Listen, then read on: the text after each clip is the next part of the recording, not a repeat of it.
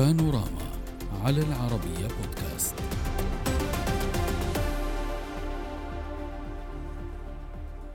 تواصل تركيا استيعاب حجم كارثة الزلزال التي تعيشها منذ أسبوعين وسط تبادل الاتهامات التقصير بين الحكومة والمعارضة التركية ما يجعل من هذه الأزمة ورقة مهمة في الانتخابات المرتقبة.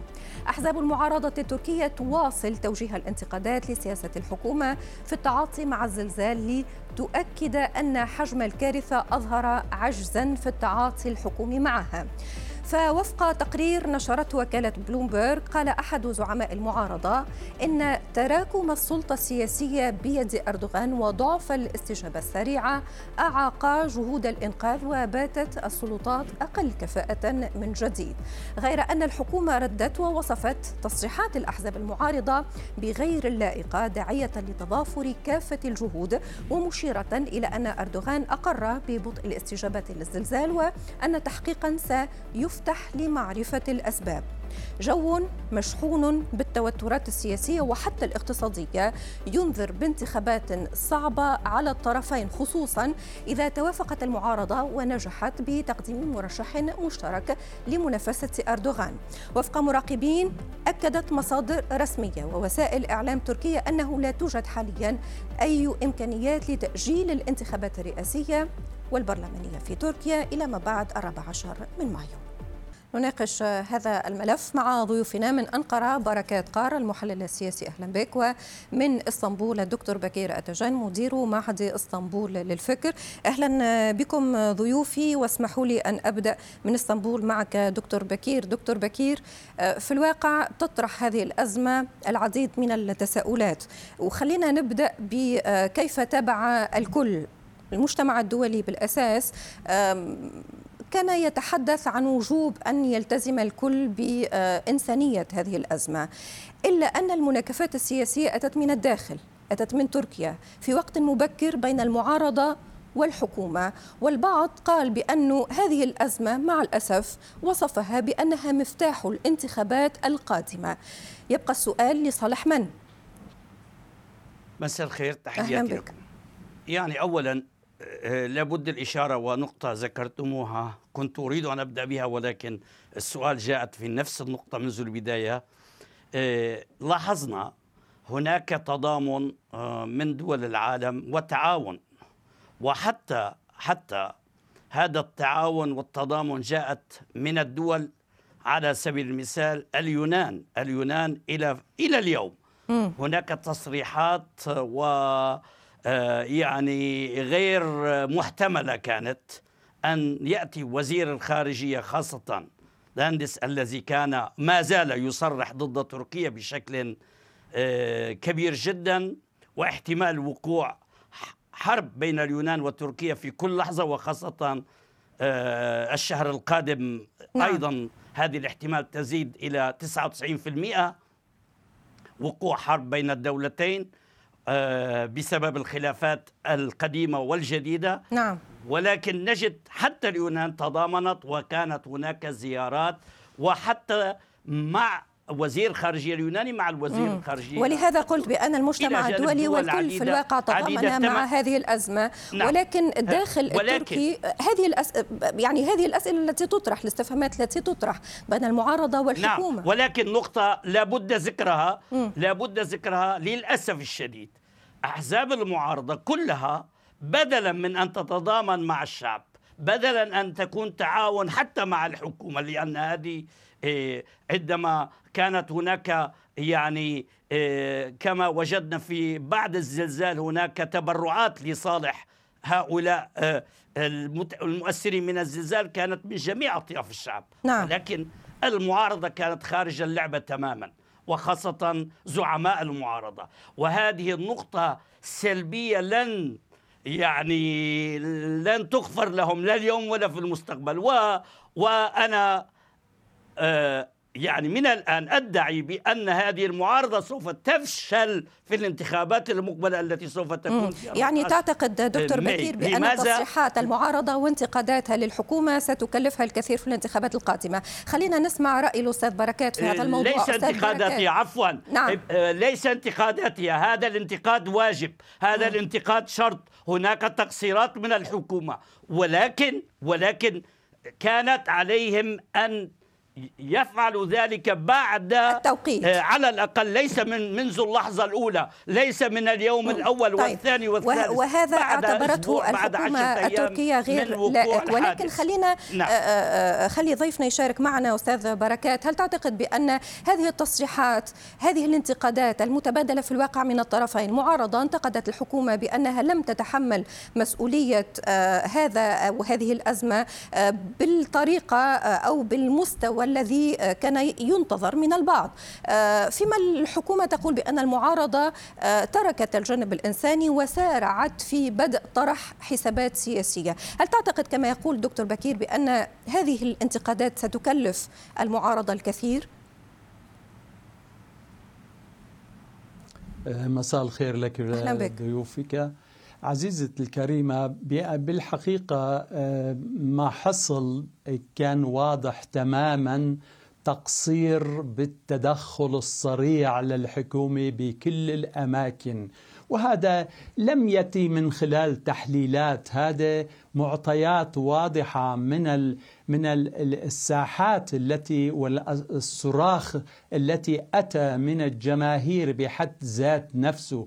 يعني الأحزاب اللي يتحدث عنها ضيفك لا زال لا زالت بالحقيقة في الميادين وإلى جانب الشعب ولا زالت تقوم بدورها. وربما مست يعني ممكن أقول لك بتاريخ تركيا لم يحصل ما حصل من تضامن وتعاون بالحقيقة التي سبق الحكومة في كل هذه الإنقاذ والفرق التي قدمت والعون والتضامن.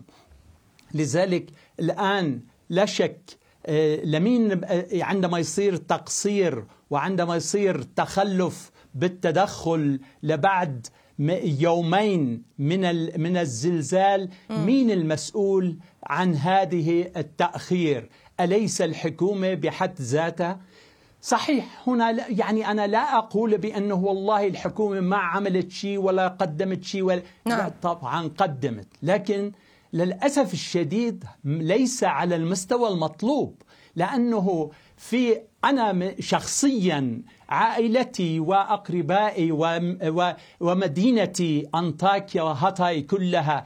يعني باليوم الثالث حتى توصلت الفرق الإنقاذ لهذه المناطق. يعني هذا واضحة ولحتى يعني آه، كثير من من الناس التي توفوا هم نتيجة هذا التقصير وهذا التدخل المتأخر.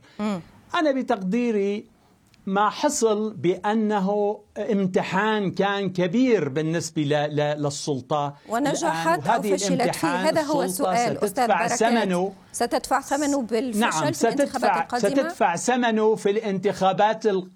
نعم ستدفع ثمنه في الانتخابات القادمة. لابد منه لأنه الشعب واعي على كل ما حصل في تركيا.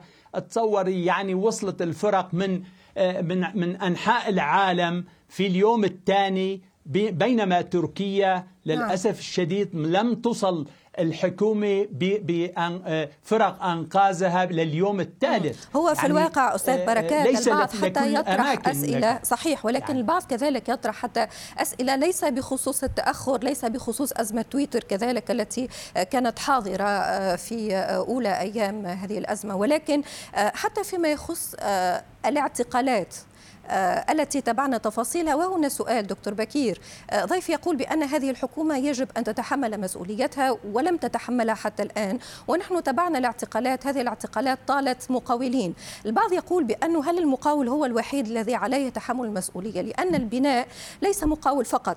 البناء تربة البناء أرض ونحن تبعنا بأن هناك بنايات لما سقطت شهود عيان وثقوا تربة غير مؤهلة لأن تبنى فيما بعد. هناك كذلك رخص آه، تؤخذ من البلديات وهناك كذلك وثائق تؤخذ من مديريات المسح العقاري وغرف المعماريين. لماذا لم نرى آه، تحمل مسؤولية كامل لكل الأطراف؟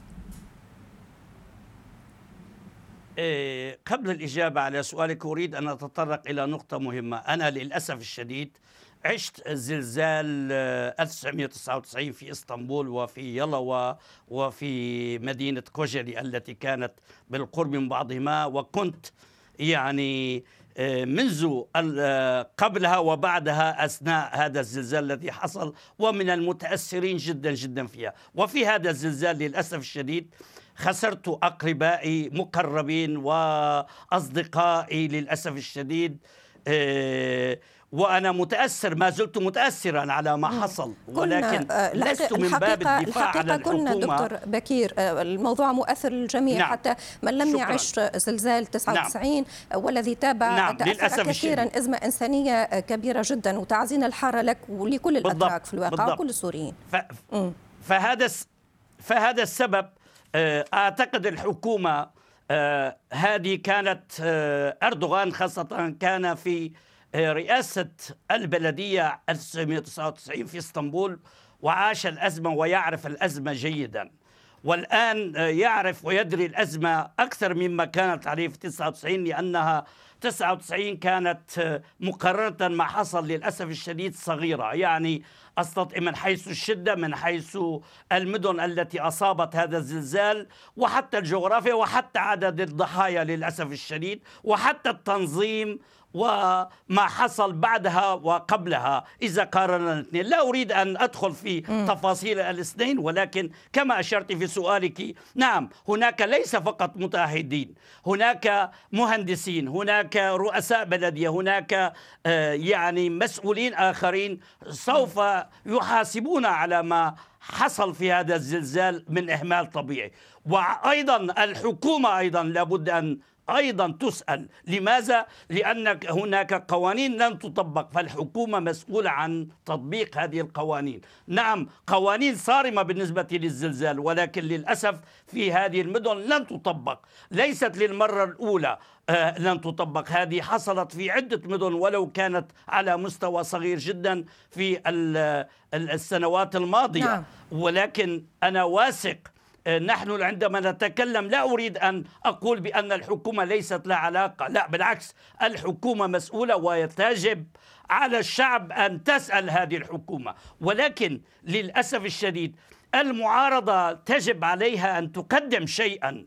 ولكن حتى على الأقل تضامن وتعاون مع الشعب. نجد بأن المسؤولين المعارضة ذهبوا إلى المدن كلها وكلهم حاولوا بدلا أن يتضامنوا آه، يعني نفسيا واخلاقيا إلى جانب هؤلاء. نعم. آآ آه، آآ آه، الذين تأثروا بالزلزال واضح. ما حولوها إلى كيف بركات. يستفيدون منها من الناحية السياسية, السياسية. نحن ننتقد وهذا ما تحولت وهذا إلى سياسة. نحن الآن يجب علينا أن نبقى بعيدين عن هذه السياسة. ولو لفترة. صحيح. وأعطيت مثالا رئيس وزير الخارجية اليوناني ماذا فعل؟ علما بأنه الآن يريد الحرب الكل قلت الكل حتى تضامن مع الجانب التركي. اذا اذا هنا المخطئ إن كنت الكبير المعارض خلينا آه، فقط ضيفي تفضل. يشارك معنا لأنك قاربت حضرتك بين زلزال 99 وهذا الزلزال واعتبرت بأن أردوغان كذلك قدم وكان حاضر في هذه الأزمة بما يمكن أن يشفع له.